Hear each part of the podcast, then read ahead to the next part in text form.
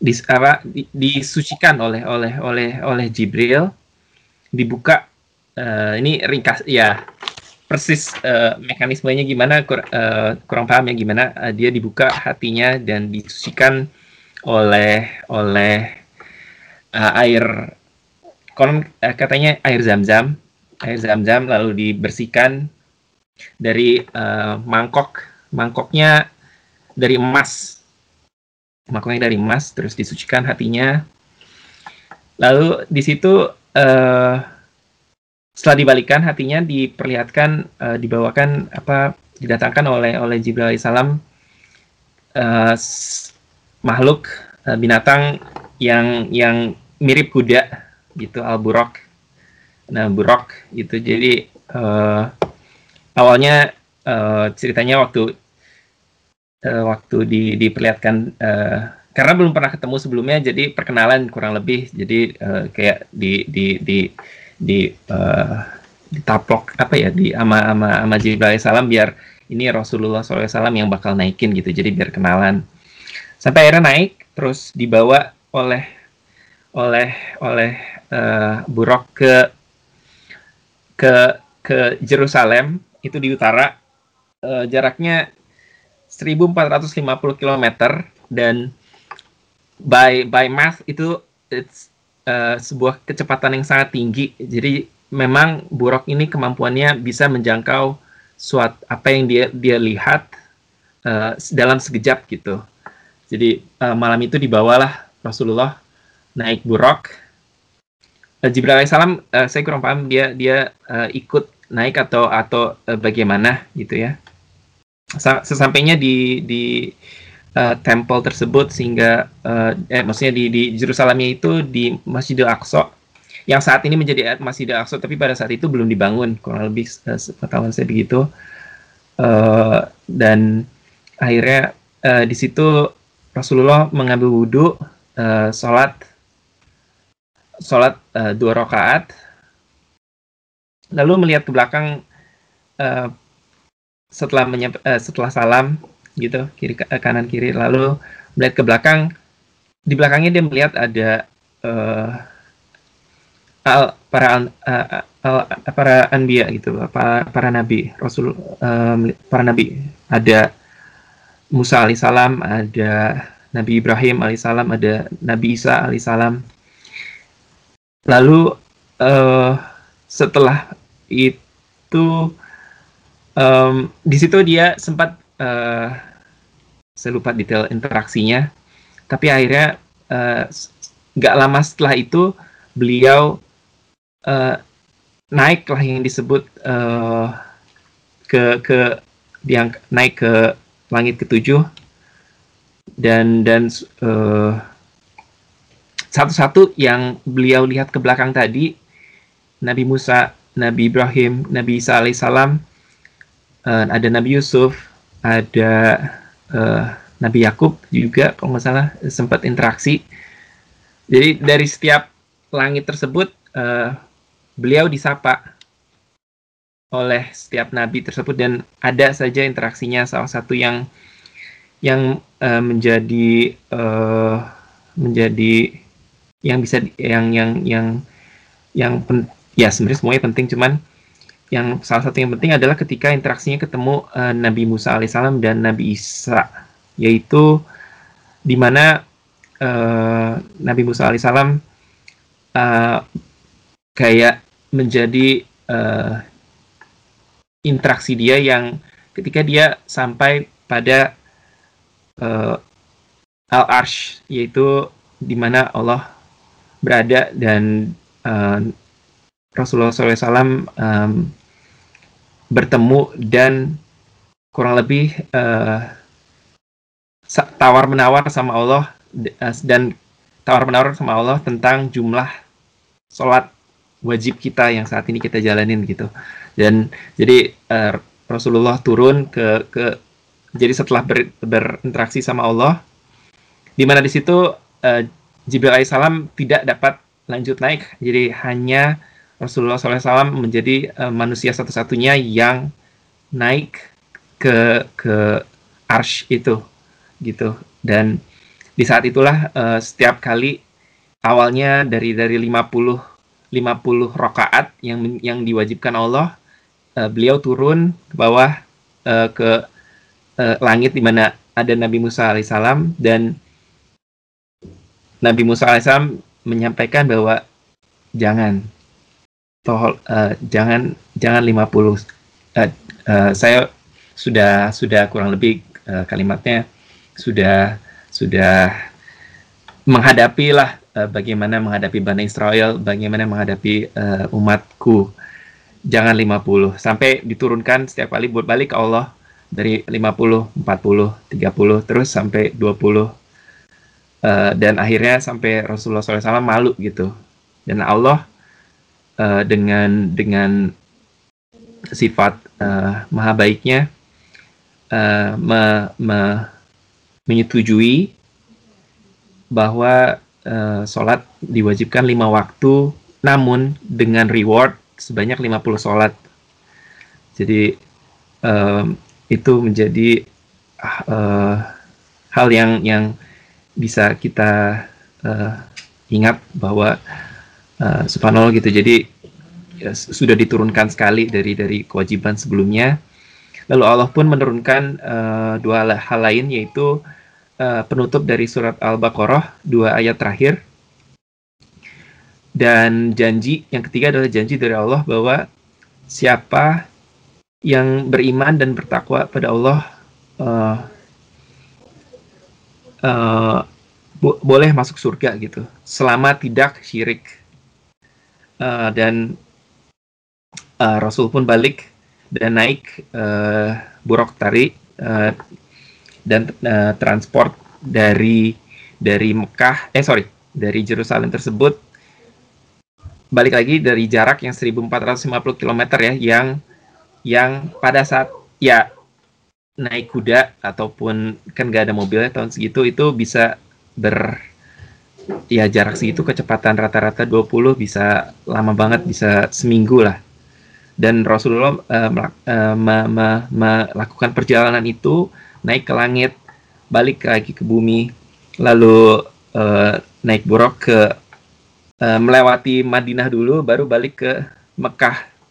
Dan dan uh, ya kurang lebih itu yang yang yang menjadi uh, menjadi um, ringkasan sebentar. Barangkali ya ini ini memang apa yang sangat, sangat kurang apa yang apa yang saya jelaskan. Um, mohon maklum dan uh, ya luar biasa Rasulullah SAW ketika bang uh, ketika besok harinya paginya dan harus menceritakan hal tersebut ke rakyatnya dan dan ke musuh-musuhnya yang yang yang dia temui paginya. Jadi ya luar biasa. Uh, paling demikian dari dari dari uh, yang saya baca mohon maaf kalau tidak berupa totally tentang sari tilawah mungkin uh, ya barangkali bisa ditambahkan siap oleh oleh oleh Ustadz Abdul atau atau Pak Iwan atau teman-teman. Jazakallah. Assalamualaikum warahmatullahi wabarakatuh. Assalamualaikum warahmatullahi wabarakatuh. Terima kasih Mas Sekiranya uh, jadi Isra Mi'raj ini memang uh, peristiwa yang sangat luar biasa. Ada 1400 tahun yang lalu uh, perjalanan semalam dengan menempuh uh, menempuh jarak yang sangat-sangat jauh yang saat itu tidak mungkin bisa dibayangkan tetapi yang bisa kita ambil pelajarannya adalah sahabat sahabat-sahabat Nabi orang-orang terdekat Nabi yang telah menerima Islam bisa menerima dan membenarkan apa yang disampaikan oleh Rasulullah saat itu tanpa ada keraguan sedikit pun oleh karena dan itu yang sempat menjadi menjadi uh, julukan uh, salah satu sahabat Nabi yang paling dekat yaitu Abu Bakar yaitu Asidik yang membenarkan pertama kali ya, karena memang beliau sangat uh, tidak ada keraguan di uh, dalam hati beliau untuk uh, mengimani apa pun yang dikatakan oleh Rasulullah. Jadi seperti itu. Dan satu hal pelajaran lagi yang penting dari peristiwa Isra Mi'raj adalah uh, diwajibkannya sholat uh, untuk uh, seluruh uh, umat Muslim sebagai salah satu ibadah yang wajib untuk dilakukan dan salah satu tiang agama. Terima kasih Mas Edu atas pemaparannya. Mungkin ada yang ingin didiskusikan dari Bapak-bapak sekalian? Atau ada tambahan? Kalau saya pengen bertanya boleh ya? Tanya Nanti mungkin sama Ya, bertanya. Oh. Mungkin Ustadz Abdul kali bisa jawab kali ya. Pertama, ya nanya, eh, bertanya atau ingin konfirmasi informasi ya. Dan, uh, uh, ini sih bukan hal besar sih, cuman dalam hubungannya dengan bahasa Arab ya. Tadi di ceritanya Edo ya, yang Edo kutip kan Nabi Muhammad itu di pada masa kecilnya pernah dibedah ya, kemudian diambil hatinya ya, di, kemudian dicuci, di apa hatinya ditaruh di baskom atau apalah kontainer gitu ya. Iya, yeah, tadi kita cerita itu ya. Ada cerita itu juga kan di awal ya. Iya betul waktu di iya. Haram. Nah, ini cuman dugaan saya aja ya. Ketik, kalau kita dalam bahasa Indonesia bilang mengambil hati itu kan liver ya, pikirannya ya. Hati itu kan liver. Iya nggak? Maksudnya kalau ketika ada orang ngomong hatinya diambil gitu ya, itu kalau yang terbayang dalam dalam pikiran saya itu livernya dengan kata-kata itu. Tapi saya menduga ya, itu yang diambil tuh eh, pada waktu itu bukan livernya tapi jantungnya. Eh, kenapa begitu? Karena dalam bahasa Arab eh, itu kolbu itu jantung artinya. Jadi kalau dalam sama seperti bahasa Inggris ya, heart itu heart dalam arti mental ada, tapi dalam arti fisik itu eh, jantung.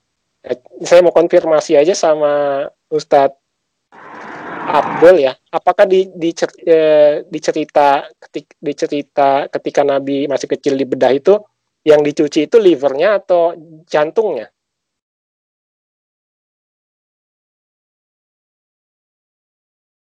Mana nih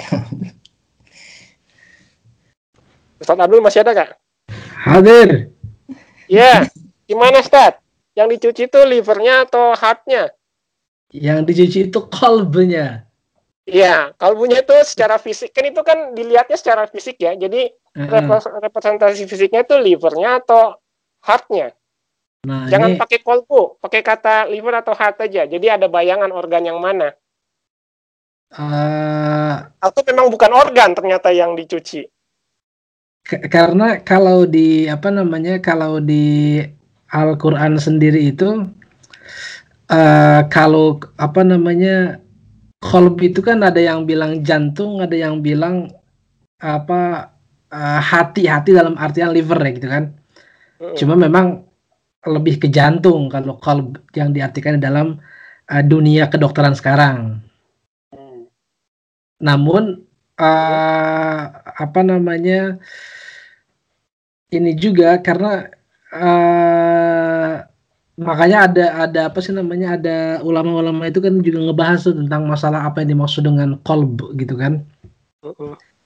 kolb itu kan artinya kalau secara bahasa uh, apa sih namanya sesuatu yang berada di tengah sebagai uh, intisari apa intisari apa inti badan. Makanya dunia kedokteran menganggap kolb itu sama dengan jantung. Kalau dilihat di bahasa-bahasa apa buku-buku akademik ya kolb itu jantung gitu. Nah, tapi uh, misalnya di Al-Qur'an juga ada yang uh, mengatakan bahwa eh apa ditafsir di dalam Al-Qur'an dia mengatakan kolb itu tidak serta merta jantung tapi juga uh, secara apa namanya secara maknawi adalah akal pikiran. Karena misalnya uh, apa akal itu akal pikiran. Karena mengambil dari kalau tidak salah di surah Al-Hajj ayat uh, 46 di situ kan dikatakan bahwa afalam yasiru fil ardi fatakunu lahum qulubun yaqiluna biha. Gitu. Jadi karena di dalam uh, Al-Hajj ayat 46 itu dikatakan apakah kamu tidak berpergian di muka bumi? Fatakunu lahum qulubun mereka memiliki kulub kalb kalau kita artikan hati gitu kan ya nabiha di mana mereka berpikir dengan itu. Hmm. nah jadi makanya para ulama mengatakan ada yang mengatakan kalb ini adalah uh, jantung ada yang mengatakan sebagai sifatnya maknawi akal pikiran tapi jumhurnya ya apa kalau di hadis itu ya syaku sodar apa organ-organ terpenting yang ada di dalam dada gitu. Jadinya yang waktu kejadian itu apa yang dicuci? Kalau di ke, di kejadian itu Allah alam kalau diterjemahin ke bahasa ini ya. Enggak, kita bukan terjemahan. Jadi uh, yang kan di kejadian itu katanya anak-anak tuh ngelihat ya anak-anak yang lain ya. Itu kan Nabi masih kecil kan waktu di dia masih di sama orang Badui ya. Di di waktu di, asuh sama uh, ya, keluarga Badui. Ya, kan anak-anak yang lain katanya ngelihat kan, diceritakan di situ. Nah, itu itu maksudnya uh, yang diambil itu ap, pengertiannya itu yang diambil apanya? Itu kan kelihatan organnya kan? Itu apa yang diambil? Memang secara fisik terjadi kan itu? Secara Maksudnya fisik dalam hadis itu. di hadis syakus saudara itu terjadi. Hmm. Allah alam nggak tahu saya kalau di nggak tahu ya. Hmm. Oh gitu. Ya udah. Kalau kalau cuma kalau ini saya dugaan aja sih. Kalau dugaan saya yang diambil itu jantungnya. Itu itu tapi itu kan dugaan saya aja dari makanya saya pengen konfirmasi tapi ya mau alam ya. Ya baik. Itu mau alam. Eh, yang kedua saya pengen tanya juga ya. Bukan pengen tanya ya. Ya pengen tanya lah. Kayak konfirmasi lagi. Tadi yang masih ada ceritakan itu ya ketika Nabi sampai di langit ya. Jadi dari Masjidil Aqsa kemudian kan naik ke langit ya. Di ya, di beberapa lapis langit bertemu nabi bertemu nabi apa nabi apa gitu ya. Nah itu saya jadi berkesimpulan ya. Ya ada dua ada dua ini sih paling nggak ada dua udah dua kesimpulannya yang pertama ya nabi-nabi itu tidak mengalami alam kubur berarti ya. Atau uh, uh, ya tidak mengalami alam kubur dan mereka sudah punya tempat-tempat di tertentu gitu ya atau atau ada kemungkinan kedua mereka di alam kubur juga, cuma pada saat itu ada satu keistimewaan gitu. Itu diangkat semua gimana cara entah gimana caranya oleh Allah gitu ya. Di, di entah jasadnya sekalian atau saya nggak tahu ditaruh di di langit-langit tertentu gitu. Bahkan kan itu uh, setiap di langit keberapa gitu Nabi berkomunikasi bah, uh, yang paling jelas kan berkomunikasi beberapa kali dengan Nabi Musa kan itu gimana Ustadz Abdul? Apakah memang nabi-nabi ini kita kan percaya percayanya kita tuh ada alam kubur ya sebelum hari kiamat kita akan berada di alam kubur sebelum kita dibangkitkan nanti. Nah ini seolah-olah dari cerita itu eh, bukan seolah-olah ya bisa juga saya mengambil kesimpulan nabi-nabi ini tidak mengalami alam kubur berarti.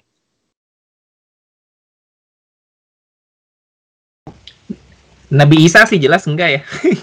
Ya, hmm. Nabi Isa kan memang belum wafat. Tidak meninggal, dia diangkat ya. Enggak, tapi kan tadi cerita bahkan dengan Nabi Musa, Nabi Musa kan sudah meninggal kan.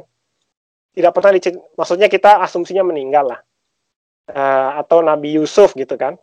Nabi Zakaria, Nabi siapa Yakub dan sebagainya.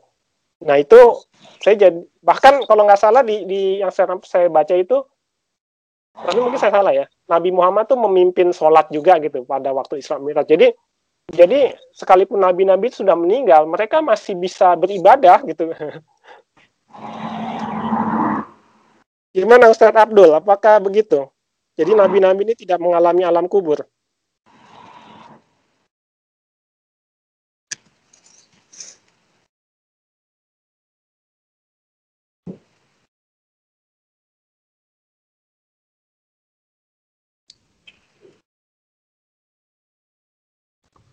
Hei, lupa lupa nggak ke nggak ke unmute tadi. Apakah Nabi tidak mengalami alam kubur? Ya, nabi-nabi itu ya. Karena dari cerita saya mengambil kesimpulan gitu. Karena tadi dari ceritanya Mas Ede juga kita sudah sering dengar ya bahwa ketika Nabi Muhammad Isra Mi'raj kan Nabi ketemu nabi-nabi yang lain kan. Mm-hmm. Cerita di itu. Bahkan dengan Nabi Musa itu beberapa kali berkomunikasi eh, di mana Nabi Musa me, me, memberi saran kepada Nabi Muhammad untuk mengurangi kewajiban sholat supaya tidak memberatkan. Ya, kalau ngelihat apa kitab-kitab tafsir di misalnya tafsir atau bari atau misalnya tafsir khusus tentang Isra dan Mi'raj dari Dardir Abu Darda itu juga ngebahas tentang apa namanya tentang ruh itu penjelasannya apa tentang ruh seperti apa. Kalau uh, contohnya saya mungkin ambil di tafsirnya Imam uh, Asy'arawi. Di, di tafsir Asy'arawi itu begini, Pak, bahwa uh, apa bahwa nabi-nabi itu jelas mengalami apa alam barzakh. Uh, mereka berada di uh, kubur mereka dan ketika apa misalnya Imam Syarawi mengatakan begini uh, ketika Allah Subhanahu wa taala berfirman huwa yuhyi wa yumit dialah Allah yang menghidupkan dan mematikan uh, menghidupkan dan mematikan itu berada dalam sirah fi'il mudhari fi'il mudhari itu artinya continuity atau hmm. apa ad-dawam wal irja artinya hmm. ada kontinuitas atau ada pengulangan hmm. jadi uh, pertemuan Nabi dengan apa pertemuan Nabi dengan pertemuan Nabi Muhammad dengan nabi-nabi di pada peristiwa Isra Mi'raj itu adalah bi'ilmillahi ta'ala ini kalau saya nggak salah kutip ininya ya. Teks jelasnya bi'ilmillahi ta'ala yuhyi Allah Subhanahu wa taala al-anbiya. Jadi dengan ilmunya Allah Subhanahu wa taala Allah mengangkat ruhnya para nabi itu ke dalam uh, ke ke langit dalam peristiwa Isra Mi'raj tadi gitu. Jadi para nabi itu mengalami uh, peristiwa uh, Isra Mi'raj dengan ilmu Allah taala diangkat roh-roh para nabi itu ke dalam uh, ke langit apa ke tujuh lapis langit tadi gitu. Oh gitu. Uh, ya ya. Tapi tetap tapi mereka ini... mengalami uh, alam alam barzakh. Uh -huh. uh, namun dengan ilmunya Allah itu diangkat untuk dalam rangka uh, peristiwa Isra Mi'raj. Makanya uh, dan dan Imam Syarawi ini mengatakan ketika dia mengatakan penjelasan ini uh, tentang peristiwa Nabi, dia menutupnya dengan kalimat wallahu alam qulir ruhu min amri rabbi gitu. Jadi kata hmm. Imam Syarawi hanya Allah yang tahu bagaimana prosesnya uh, apa tapi yang jelas dalam Al-Qur'an Allah mengatakan yuhyi artinya yuhyi itu wayumit itu artinya menghidupkan hmm. mematikan tidak hanya sekali tapi menghidupkan mematikan menghidupkan mematikan menghidupkan mematikan jadi ada ad-dawamu ad-dawamu al ad-dawamul mustausalah jadi ada kontinuitas yeah, ada yeah. pengulangan jadi karena yeah, itu yeah. Ya. dikatakan yeah. bahwa Uh, dan tadi kalau kata Pak Iwan uh, apa namanya tadi berarti nabi apa para nabi itu eh para nabi yang sudah meninggal itu meskipun sudah wafat tetap beribadah gitu ya? Uh, ya kan kalau nggak salah di cerita Isra Mi'raj itu kalau nggak hmm. salah yang pernah saya dengar ya hmm. itu nabi memimpin sholat kalau nggak salah gitu ya? Iya dan uh, banyak sebetulnya hadisnya kalau tentang para para nabi dan orang soleh al-anbiya was salihin wal mujahidun itu mereka uh, misalnya di dalam surah Al-Imran ayat 169 atau 170 ya saya jadi kata Allah kan wala tahsabanna alladziina qutilu fi sabilillahi amwat bal ahya'un inda rabbihim. Uh, para ulama mengatakan bahwa jangan kamu pikir orang-orang yang meninggal di jalan Allah itu mati tapi mereka sebetulnya hidup di dalam di, di, di, di sisi Allah Subhanahu wa taala. Hmm. Para ulama mengatakan yang dimaksud dengan hidup ini mereka seperti halnya makhluk hidup ketika amal soleh yang mereka lakukan di dunia mereka beribadah, mereka melakukan sholat dan bahkan uh, Nabi Muhammad itu dari hadis uh, Malik ya an ya an Anas an Anas bin Malik radhiyallahu taala anna Nabi sallallahu alaihi wasallam qala al anbiya wahya fi kuburihim yusallun jadi kata Nabi, oh. para ambia itu memang hidup apa di dalam kubur mereka dan mereka yusallun. Yusallun itu artinya mereka sholat, mereka beribadah, mereka bersolawat gitu. Jadi uh, makanya al-anbiya al-anbiya was-solihin wal mujahidun. Nah, kalau tadi apa tentang uh, penjelasan orang-orang mujahid yang tetap beribadah itu ada di surah Al-Imran 169 170 jelas itu dan tentang nabi uh, masih beribadah di dalam kubur mereka juga jelas ada di dalam hadis Rasul. Hmm.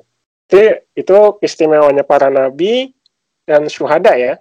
Ya. Ya orang biasa enggak ya?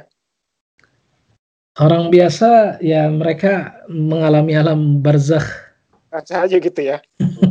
Oke. Ya syukran. Satu lagi yang Ustadz nih. Maaf ya yang lain ya. Saya satu lagi ya.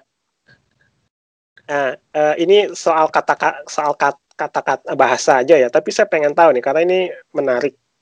Uh, surat Al Isra ya, yang tadi kita baca tuh, uh, yang dibaca pertama kali oleh siapa? Mas Sukamta ya. Ayat 13. Bisa lihat ya ayat 13 ya. Wakul wakulla insanin alzamnahu ta'irahu fi unuki ya. Nah, saya tertarik dengan dengan kata to'iroh, to, to'ir ya. Itu kalau dalam bahasa Arab biasa sekarang saya cek ya di Google ya, Google Translate ya. To'ir itu artinya burung atau kapal terbang. Ya, betul kan Ustadz ya? dalam bahasa Arab biasa ya. Setiap manusia adalah ta'irahu fi unukihi. Iya, ta'ir itu dalam kalau saya lihat di Google Translate mm-hmm, itu kan artinya burung atau kapal terbang. Mm-hmm. Ya burung, ta'ir bisa juga, tapi ta'ir, ta'ir itu artinya kalau di Google Translate itu bird atau airplane. Nah, ini di sini kalau saya lihat terjemahannya itu catatan amal gitu. Kok bisa ya jadi dari apa hubungannya gitu? Kan bahasa Arab katanya suka ada hubungan-hubungannya lah gitu. Kata ini uh, asalnya begini terus dengan logika seperti apa gitu. Oh jadi artinya begini. Ini kenapa artinya kok apa gitu hubungannya uh, apa uh, burung dengan catatan amal ya Uh, ini di HP saya nih kebetulan ada tafsir al-wasid nih Pak. Saya ada ini ya tafsir al-wasid saya bacakan ya.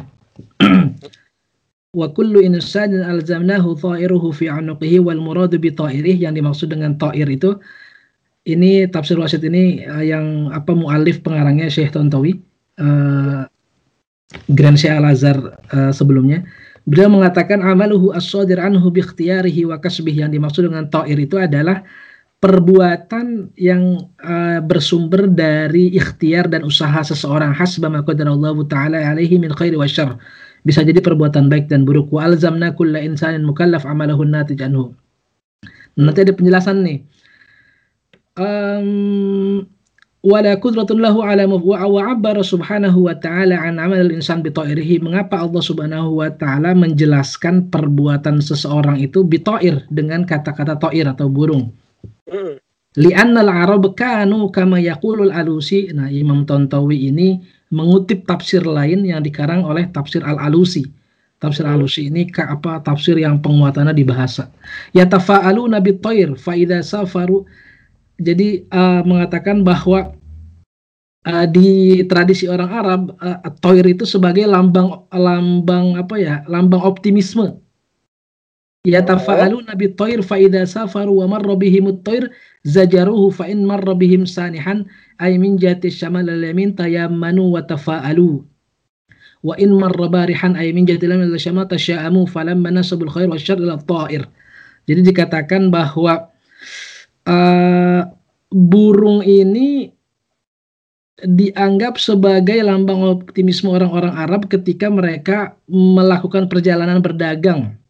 Jadi ketika ada sekelompok uh, burung uh, ketika mereka berlayar dan ada sekelompok burung yang baik itu sekelompok burung yang apa terbang maka hmm. dianggap sebagai uh, satu kebaikan tapi ada ada burung kelompok yang lain membentuk satu bentuk apa kelompok tertentu ya. itu dianggap sebagai suatu pertanda buruk juga. Oh gitu. Jadi burung di di kalangan tradisi orang Arab ketika mereka berdagang dan berlayar, mereka kadang-kadang melihat peristiwa burung-burung yang berkumpul. Ya katakanlah mungkin mereka punya tradisi ini ya apa namanya apakah bentuk perkumpulannya itu seperti apa apakah mengerikan apa gimana apakah jadi sebagai pertanda gitu maka hmm. dikatakan wakulu insan alzamnahu ta'irahu jadi dikiaskan qisu hmm. bihalat ta'ir Jadi dikiaskan hmm, dengan pada saat ya, ya, ya, ngerti, ngerti, ngerti, ngerti, ngerti, ya. Ya berarti memang ada. Jadi kata toiro ini memang memang aslinya asalnya artinya burung ya.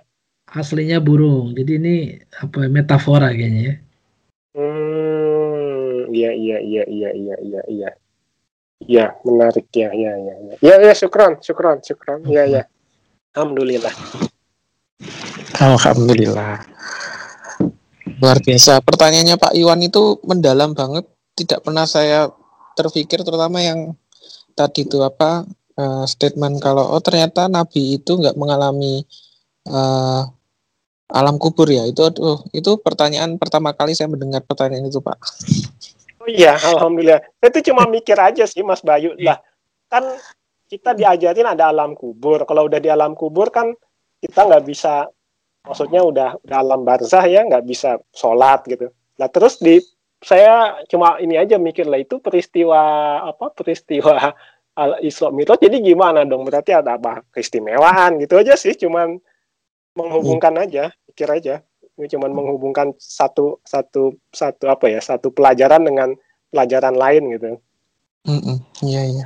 Terus yang berkaitan dengan apa organ yang dikeluarkan secara harfiah yang saat itu dicuci dalam tanda kutip oleh malaikat itu kalau uh, ini dari sisi medis ya. Kalau dari sisi medis sih yang paling mungkin sekali itu adalah uh, tadi kan ada beberapa penjelasan dari Ustadz Abdul. Bisa jadi itu liver, bisa jadi jantung, bisa jadi itu tempat kita berpikir. Nah, kayak itu hmm. kolbu itu adalah tempat manusia untuk berpikir. Nah itu kalau yang paling pas itu sebenarnya adalah tapi ini secara medis ya dari tinjauan medis hmm. ya, yang paling pas itu adalah uh, otak paling pas itu otak karena di otak itu ada ada bagian yang mengatur emosi ada yang bagian yang bagian limbik sistem itu mengatur emosi bagian lobus frontal bagian depan itu itu adalah bagian uh, fungsi luhur manusia karena uh, tempatnya manusia itu bisa berpikir bisa membedakan baik dan buruk itu ada di di otak di bagian dahi kita itu uh, bagian yang sangat sangat vital untuk membantu manusia menentukan. Yang membedakan manusia dengan hewan itu bagian yang frontal bagian di dahi. Kalau orang berpikir itu dia uh, mengerutkan dahi karena ibaratnya karena bagian itu yang dibuat untuk uh, decision making dari uh, manusia. Tapi wow ya. alam itu kita tapi iya. tapi kalau kita baca di siroh bekas bedahnya itu ada di dada gitu loh. Di dada iya. Kepala ya, ya. alam ya kita nggak tahu. Karena di bagian dada itu kalau secara medis itu di bagian mana yang berfungsi untuk ya? berpikir atau berapa ya hati. Eh nggak tahu dah itu il itu ilmu yang masih belum. Ilmu nah. roh aja sampai saat ini kan medis belum tahu ya ilmu roh ilmu itu tentang tidur itu sekarang sedang diteliti benar ilmu tentang tidur. Karena tidur itu state yang sangat-sangat uh, bisa jadi itu penghubung antara hidup dan mati dan apa itu masih masih ilmu yang sangat perlu untuk didalami. Ilmu tentang sleep itu ada sendiri, sleep medicine itu ada sendiri. Jadi luar biasa ilmu Allah itu sangat luas sekali. Itu apakah bisa dikaitkan dengan hadis ada segumpal darah yang kalau uh, itu baik maka yang lain akan baik gitu loh. Nah itu juga masih belum belum belum ketemu segumpal darah itu. Segumpal darah yang merujuk pada kata kolbu itu seperti apa bentuknya kalau organnya secara medis itu apa masih belum tahu. Kalau dan, di dan segumpal darah itu kan uh-huh. gimana gimana tadi? Kalau dibilangin di sirah yang sekarang saya ikuti ya di apa uh, sirahnya apa Ustadz Khalid Basalama bekas bedahnya itu di saat di suku Sa'diyah Halimah itu ada bekasnya di dada. Yang paling dekat kalau kita bicara dada berarti jantung karena kalau hati kan hati beneran gitu itu kan di area abdomen area perut gitu kan. Tapi Allah Allah apakah itu kemudian bekas bekas bedahannya masih ada ya? Iya katanya di waktu saya ikuti sirah itu memang bekasnya di situ di area dada bukan di area misalnya tadi kalau kita kaitkan dengan liver berarti areanya abdomen di perut atau area kepala gitu kan? Hmm. dan segumpal da segumpal daging itu terjemahan Indonesia kan?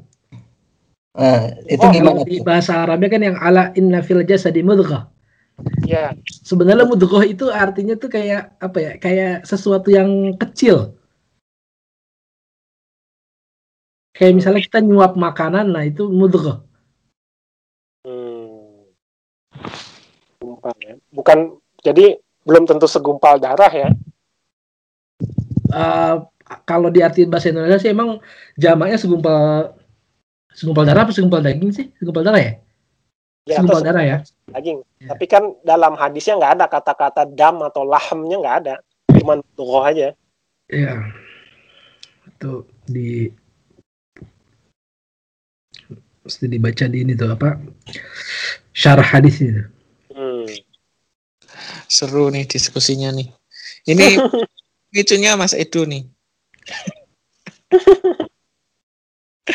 Baiklah. Saya itu saya ini alhamdulillah jadi ngerti nih oh toir ini. Kata saya cari cari apa ya? Saya tahu tahu saya kata toir itu artinya burung. Apa mak kok apa biar ininya? Apa uh, hubungannya bu burung jadi jadi amal catatan baik dan buruk. Oh ternyata ada ceritanya gitu. Iya. Yeah. Yeah, Memang kalau Pak Iwan di tafsir al, al alus itu gitu Pak dia apa modelnya itu bahasa bahasa bahasa sosial apa konteksnya gimana. Jadi kebanyakan ulama-ulama yang ngulik masalah bahasa di dalam Al-Quran tuh biasanya larinya ke sana tafsir al alusi Iya. Ya. Terima kasih Ustadz Abdul penjelasannya. Uh, mungkin uh, sebelum ditutup, mungkin uh, ini mungkin karena apa? Mumpung masih ada banyak, lumayan banyak orang, uh, saya ingin ini beberapa bulan ini kan terputus nih kajian ikhwannya, kawannya.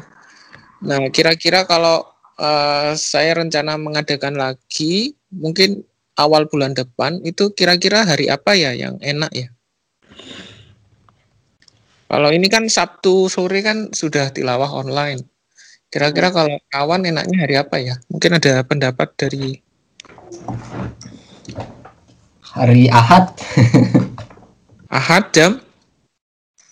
Ahad uh, ini sih kalau saya pribadi sukanya sih ba'da maghrib gini.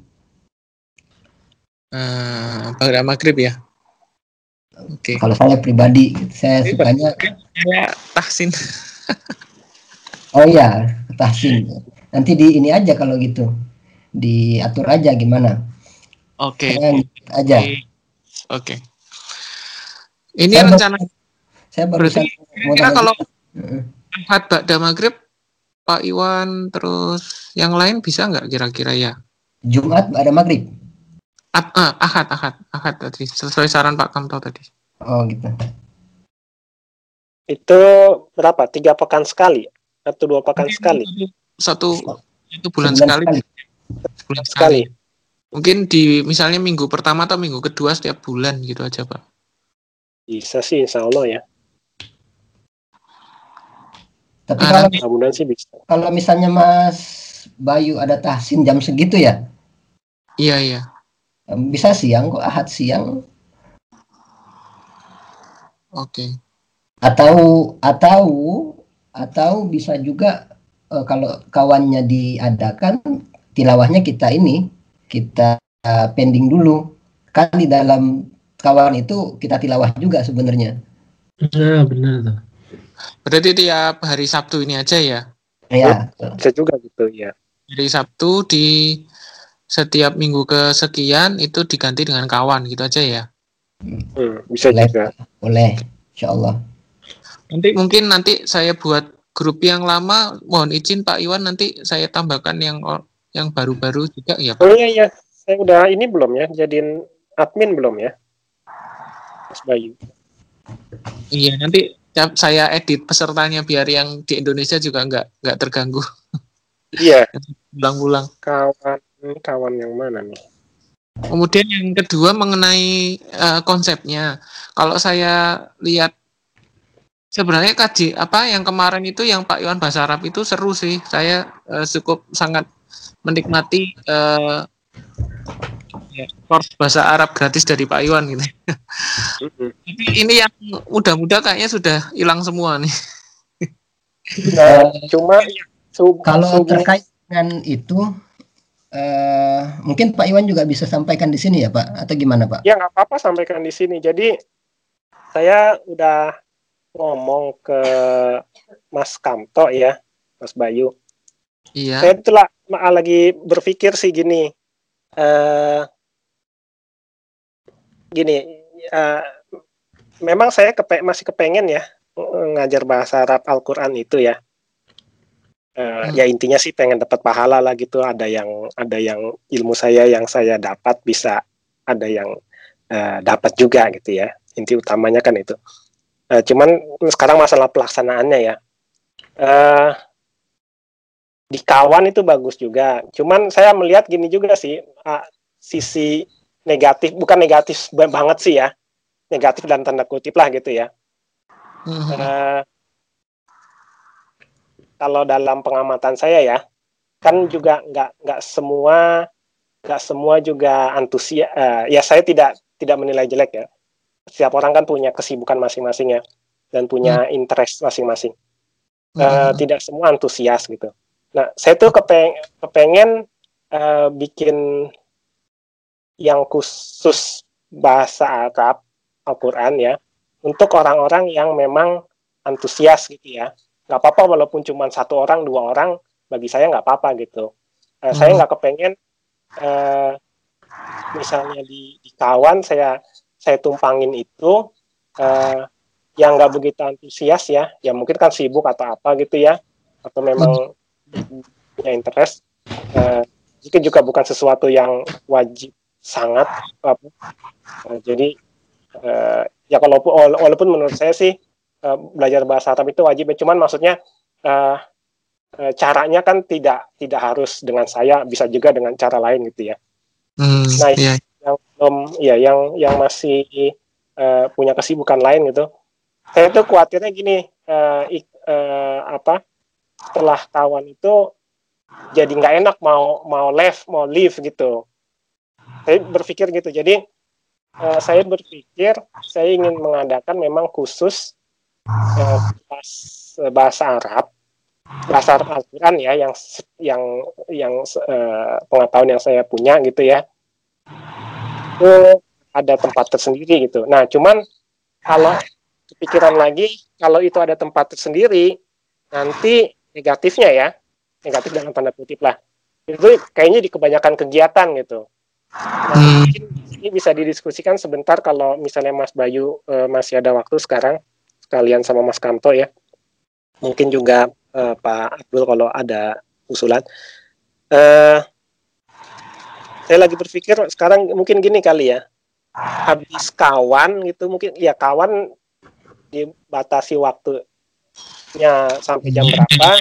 Timelinenya. Kemudian, nah kemudian dilanjutkan dengan uh, bahasa tapi memang program yang terpisah gitu loh. Saya itu masih hmm. agak bingung ini waktunya. Mungkin ada usulan atau gimana, Mas Bayu? Kalau ini sih apa? Uh, saya saya setuju dengan usul Pak Iwan. Jadi memang uh, yang bahasa Arab ini yang maksudnya biar seru semua partisipasi berarti yang memang tertarik. Mm uh, supaya waktunya anda ini berarti na mungkin setelahnya. Tapi nanti negatifnya nanti uh, kalau diadakan oh tapi habis maghrib isya sih nggak masalah ya pak ya. Bisa kapan mana aja isaknya uh -uh. uh, nanti kawannya ini saya diskusi konsep kawannya ya pak ya. Jadi kalau tanpa tanpa yang bahasa Arab itu uh. itu saya lihat ini sih apa kamus pak. Jadi kalau kamus itu diawali dengan tilawah setelah tilawahnya satu orang aja nggak apa-apa nanti mungkin tiap tiap uh, tiap uh, waktu itu gantian. Habis hmm. itu disambung dengan share my uh, konsepnya bisa share my story atau bisa kultum. kultum hmm. itu nanti yang me, menyampaikan yang muda-muda, yang muda-muda. Bisa mahasiswa PhD, saya sih inginnya menggandeng yang baru-baru datang ini untuk ya, supaya bagus, itu bagus. di awal-awal.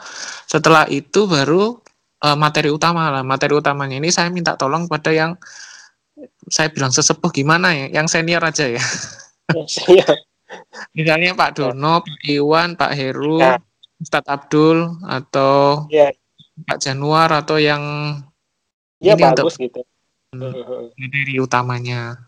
Yang materi utamanya itu, nah ini berkaitan dengan materi, ini saya juga ingin minta pendapat juga, apakah materinya ini, misalnya Pak Dono gitu ya, e, kalau beliau kan bidangnya kan misalnya kesehatan masyarakat, kalau misalnya beliau ingin menyampaikan materi di luar dari topik itu, mungkin kita bisa cover di berarti materi yang uh, kultumnya itu yang disampaikan oleh uh, yang muda, Kemudian Pak Dono yang menyampaikan topik apa gitu. Iya bagus juga. Sama gitu gimana Pak? Atau maksudnya maksudnya topiknya sesuai dengan ini ya, sesuai dengan background pendidikan beliau ya? Iya, gitu. jadi kita uh, tujuan utamanya kawan ini di tilawah itu ngaji barengnya itu terus uh, menjalin silaturahmi aja supaya kebersamaan gitu. Iya, bagus, bagus.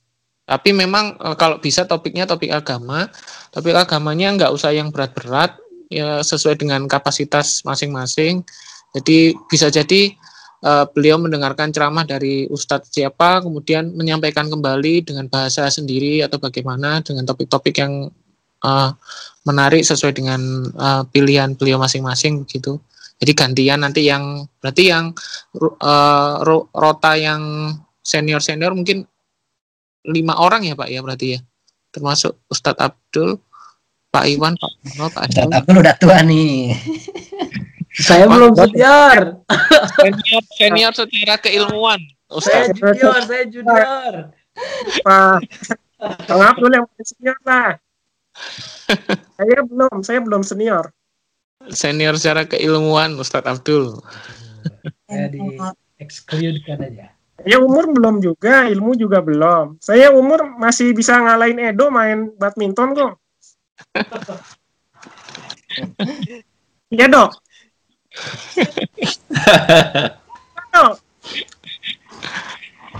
Gak sesuai KTP, Pak Iwan mah gak sesuai KTP mainnya. ya, tapi saya setuju bagus itu Mas Bayu. Terus nanti yang kajian bahasa Arabnya nanti uh, Mungkin ini aja ya, apa ini ya. Jadi nanti ya, kajian bahasa Arabnya sesuaikan dengan yang tadi aja. Jadi eh, dalam kawan itu kajian bahasa Arabnya kita pindahkan kepada acara yang lain gitu, program yang lain. Jadi ada program karisma baru misalnya itu terkait dengan belajar bahasa Arab. Tapi eh, insya Allah nanti kita buka pendaftaran siapa yang benar-benar tertarik. Uh, baru kemudian kita akan diskusikan waktunya dan seterusnya dengan pengasuhnya Pak Iwan misalnya kan? Iya. Jadi persetuju apa persetujuan kesepakatan antara Pak Iwan dengan ininya yang daftar gitu ya. Iya, gitu. Oke. Okay. Nanti untuk yang bahasa Arab nanti mohon izin nanti Mas Bayu nanti saya coba handle ya. Oke, okay, siap, siap. Nah, nanti Mas Bayu insya Allah fokus aja di kawan supaya bisa bisa lebih fokus nanti persiapannya. Oke, siap. Ke ya, bagus. Mungkin ada ada saran atau usulan dari yang lain, Mas Edo atau Ustadz Abdul atau Mas Hafiz, Mas Hafiz. Tadi kalau yang kamus itu gimana, Pak Dokter?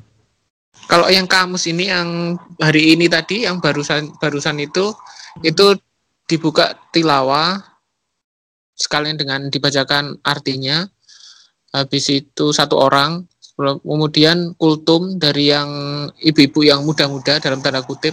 Maksudnya yang biasanya istrinya mahasiswa atau yang ini. Kemudian mat, uh, ada pembacaan ini apa?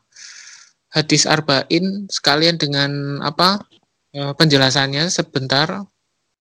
Orang lain lagi. Kemudian yang terakhir materi utama. Kemudian hari ini tadi Uni IREF yang memberikan. Materi utama itu biasanya dari yang senior istilahnya.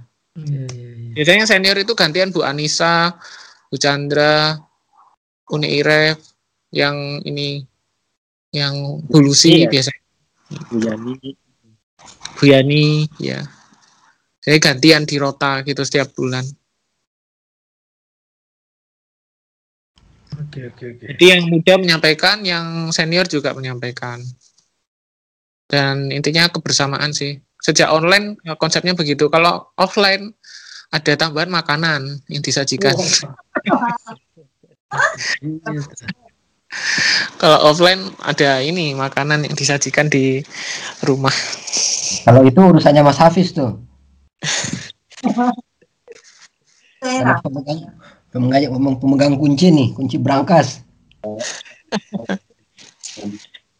ada usul enggak Berarti untuk waktu sepakat hari Sabtu jam jam tilawah online diganti gitu aja ya? Ya, mungkin ditetapin aja apakah tiap uh, akhir bulan atau tiap awal bulan. Jadi pekan pertama atau pekan terakhir tiap bulan itu ditentuin aja mungkin, gitu ya? Oh, bulan depan pekan awal, pekan satu atau dua enaknya ya? Nah sekalian ini saya minta tolong Pak Iwan sebagai pemateri pertama. oh gitu ya deh. Nanti topiknya bisa di saya nanti saya ingatkan untuk topiknya apa nanti uh, saya tanya Pak ya. Mungkin topik yang Pak Iwan ingin sampaikan di kawan pertama apa. Ya. Dan nanti ya. yang yang ingin yang yang dari muda itu saya ingin yang per, apa baru datang Mas Tajul mungkin ya. Nanti saya WA beliaunya. Oh iya, saya belum, kenalan juga sama beliau tuh Mas Tajul. Ya Mas Tajul mungkin. Kayaknya Mas oh, yang suaminya iya suaminya Mbak Anggi ya? Iya iya. Ya. Uh. Nah, mahasiswa ada yang mau udah apa maksudnya udah udah pada datang semua ya atau ada yang mau datang lagi bulan Januari ini kan kalau nggak salah suka ada yang datang Januari ya? Iya ada yang sudah datang Pak. Oh. Kalau Pak Tajul memang dari awal dari bulan September gitu bulan. Oktober ya September beliau sudah datang memang. Ada yang ini masih di Indonesia tapi mau datang gitu ada? Ah, itu infonya belum tahu saya. Jelas. Oh, Tapi tahu, ya. sepertinya ya? September ini baru karena ada ini apa aturan defer apa ada virus baru ini kayaknya yang April ini rencananya defer lagi ke September katanya beberapa teman. Seperti itu. Iya, iya. Ini kalau saya lihat uh, kalender ini kalau kita ambil pekan pertama itu berarti pasnya hari Sabtu itu tanggal 6 Februari insya Allah. Oke. Okay. Masih hari pada maghrib. Untuk ya, yang pertama Mas Hafiz dulu ya, yang pertama. Boleh Mas Hafiz dulu. Jadi nanti tilawannya Mas Hafiz. Hmm. Untuk share my story atau konsep yang sama seperti itu Mas Tajul. Kemudian nanti Pak Iwan materi utamanya. Iya iya. Zoom ya kita ya. Insya Allah nanti zoomnya coba kita bikinkan dari zoomnya kampus insya Allah bisa pak nanti oh gitu. Ya ya ya ya, ya udah.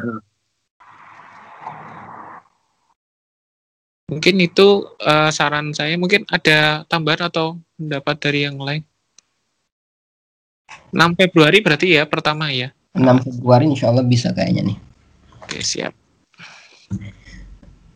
Nanti flyernya flyernya muncul aja belakangan ya. Gampang aja mas flyernya.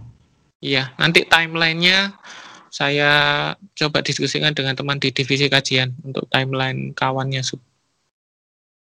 Topiknya belum ditentuin tadi ya Pak sama Pak Iwan ya? Belum.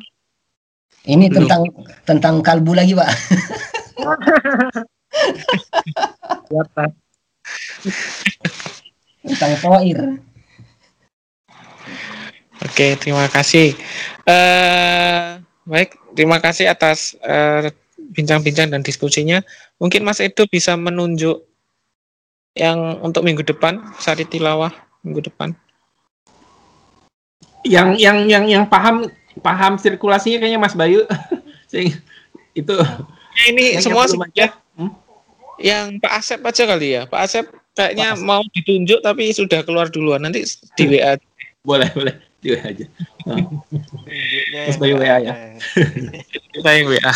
Ya. Thank you.